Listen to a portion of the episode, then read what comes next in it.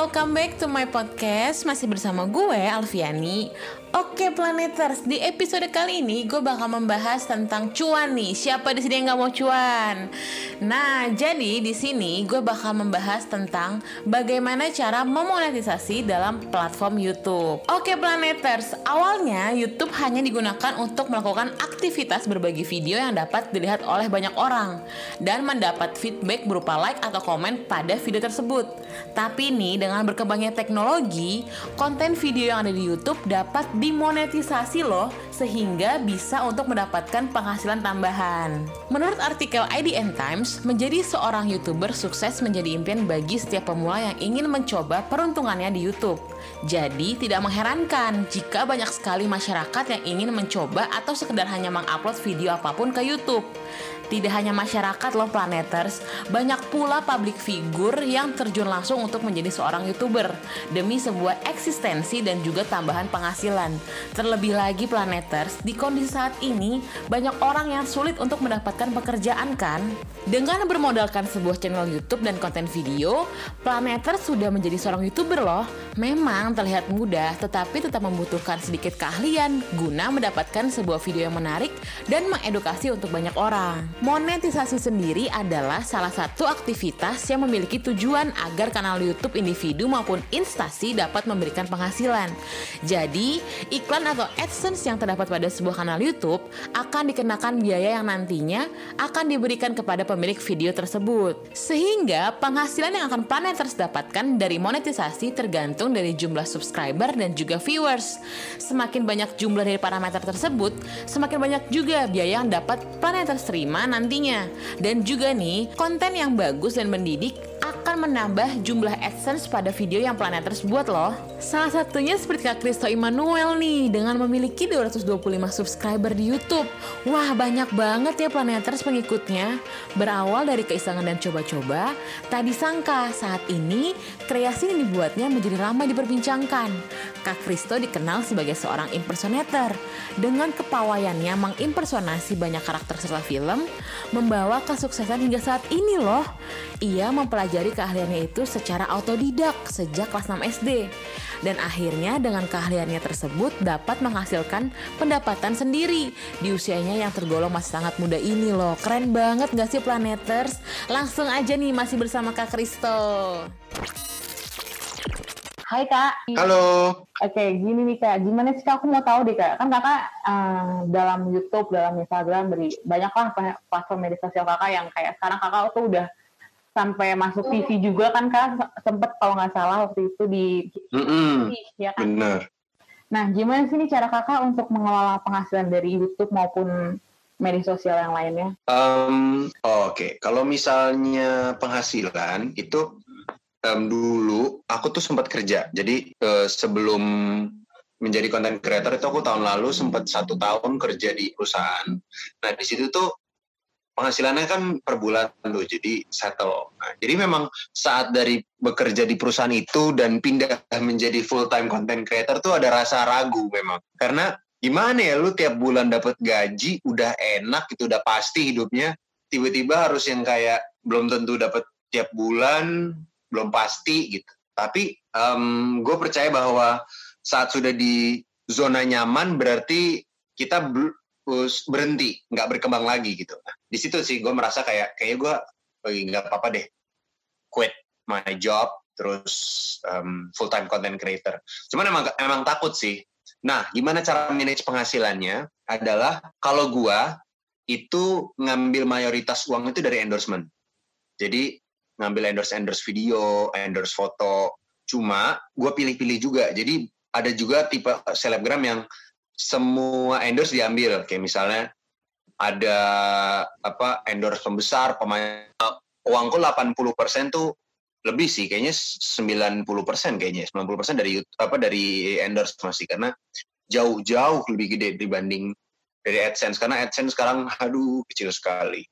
Itu sih. Terus kalau untuk pengeluaran dan pemasukan kita harus bisa manage uang itu um, seperti ini. Jadi misalnya udah jadi content creator, um, memang aku akuin sih uangku jadi lebih banyak dibanding aku pas ngekonten sambil kerja kemarin. Karena jadinya endorse endorse bisa aku ambil apa yang banyak gitu. Jadi nggak ada yang harus kutolak gara-gara sambil kerja kan. Cuma um, karena balik lagi tidak pasti aku tidak tahu ini bakal sampai kapan. Nah cara manage-nya itu kalau aku memang uh, pakai investment. Jadi aku invest uangku setiap kali dapat pemasukan 40 persennya aku ada masukin ke reksadana kalau nggak ke saham. Hmm. itu. Nah sebenarnya harusnya nggak nggak sebanyak itu sih kalau ada saran dari teman. Cuman untuk sekarang kan aku belum ada pengen pengeluaran yang besar belum mau nikah juga gitu. Jadi um, investmentku memang besar gitu di situ.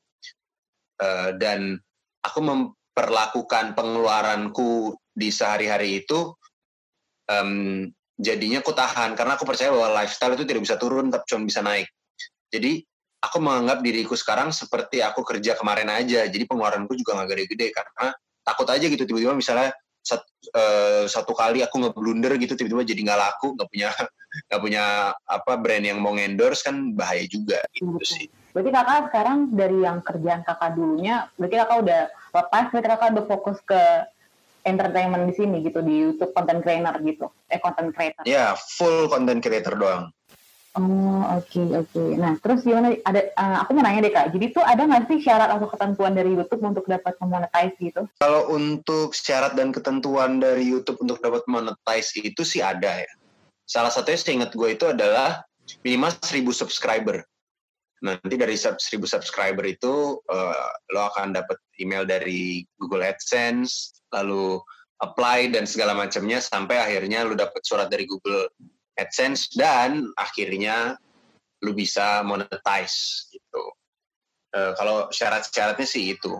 Paling ada di ini kok ada di kalau misalnya mau apply di Google saya mau apply Google AdSense itu ada di tulisan syarat ketentuan. Emang panjang sih.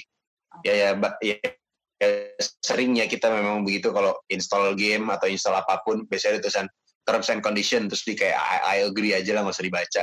Nah ini tapi kalau yang AdSense aku baca karena pengen tahu apa how how how does it work gitu. Jadi kalau di konten YouTube ada sendiri gitu ya kak, di, di, di, dilampirin lah ya pokoknya kalau misalnya buat teman-teman yang mau ikutan terjun ke dunia peryoutuban, mereka akan jelasin semuanya di lampiran tersebut gitu ya kak. Hmm bener, ada uh, lampirannya dan lampirannya jelas kok, jelas banget. Oh, Oke, okay. tuh buat teman-teman yang mau ikut terjun di dunia YouTube ya kak, bisa langsung cobain dari sekarang juga sebelum terlambat gitu. Nah, menurut kakak nih kak, perlu nggak sih berkolaborasi dengan konten kreator lain gitu? Kalau iya, uh, apa uh, pendapatan yang kakak terima jauh lebih besar atau gimana kak?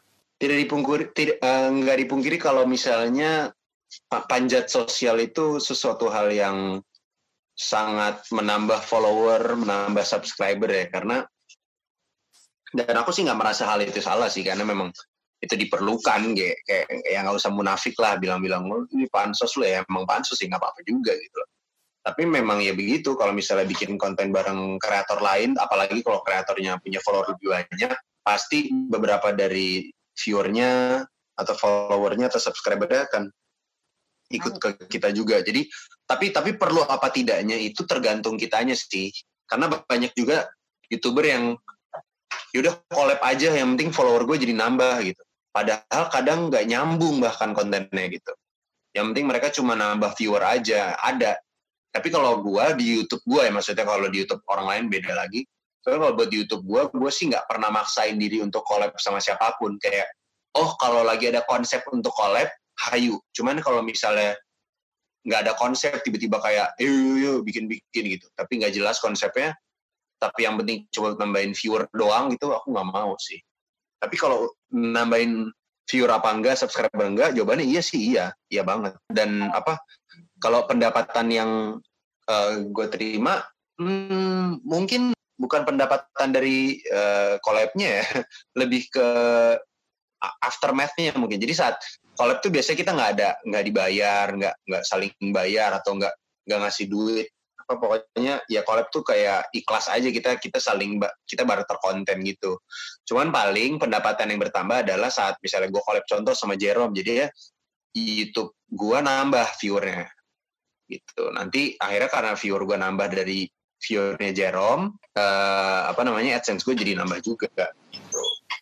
Oh gitu. Berarti kakak tetap konsisten ya kak sama konsep awal kakak gitu. ya. Maksudnya kakak tetap menyeleksi nih kira-kira mana yang mau diajak untuk collab atau mau bareng Hmm. sama kakak gitu ya. Maksudnya masih kakak masih menyeleksi lah ya untuk hal-hal itu mulai dari endorsement juga. Iya betul. Nah, kan kakak impor senator nih, boleh nggak sih kak eh, kasih lihat ke kita semua yang dengerin eh, contoh aja sih kak, terserah kakak mau eh, suara kartun atau aktor gitu, sedikit aja kak. Boleh dong, boleh. boleh. Suara Pak Jokowi aja gitu ya, yang biasa Boleh, boleh, paling boleh yang viral sering itu ya kak. diingini. Ha. Ya, selamat sore, eh, selamat siang maksudnya ya para pendengar dari eh, podcast ini. Ya, saya rasa kita harus bisa eh, kreatif dalam menjadi konten kreator karena ini sebuah eh, platform yang baru namun bisa menjadi eh, ladang kreativitas untuk kita semua begitu gitu Oke, itu dia Planeters. Cara dari Kak Kristo mendapatkan income tambahan dari YouTube. Di setiap usaha pasti akan ada hasilnya kok Planeters. Buat Planeters nih, tertarik gak sih untuk berkreasi dan berbisnis dengan video di YouTube? Kalau tertarik, yuk langsung aja buat dari sekarang sebelum terlambat. See you di episode gue selanjutnya Planeters. Bye-bye.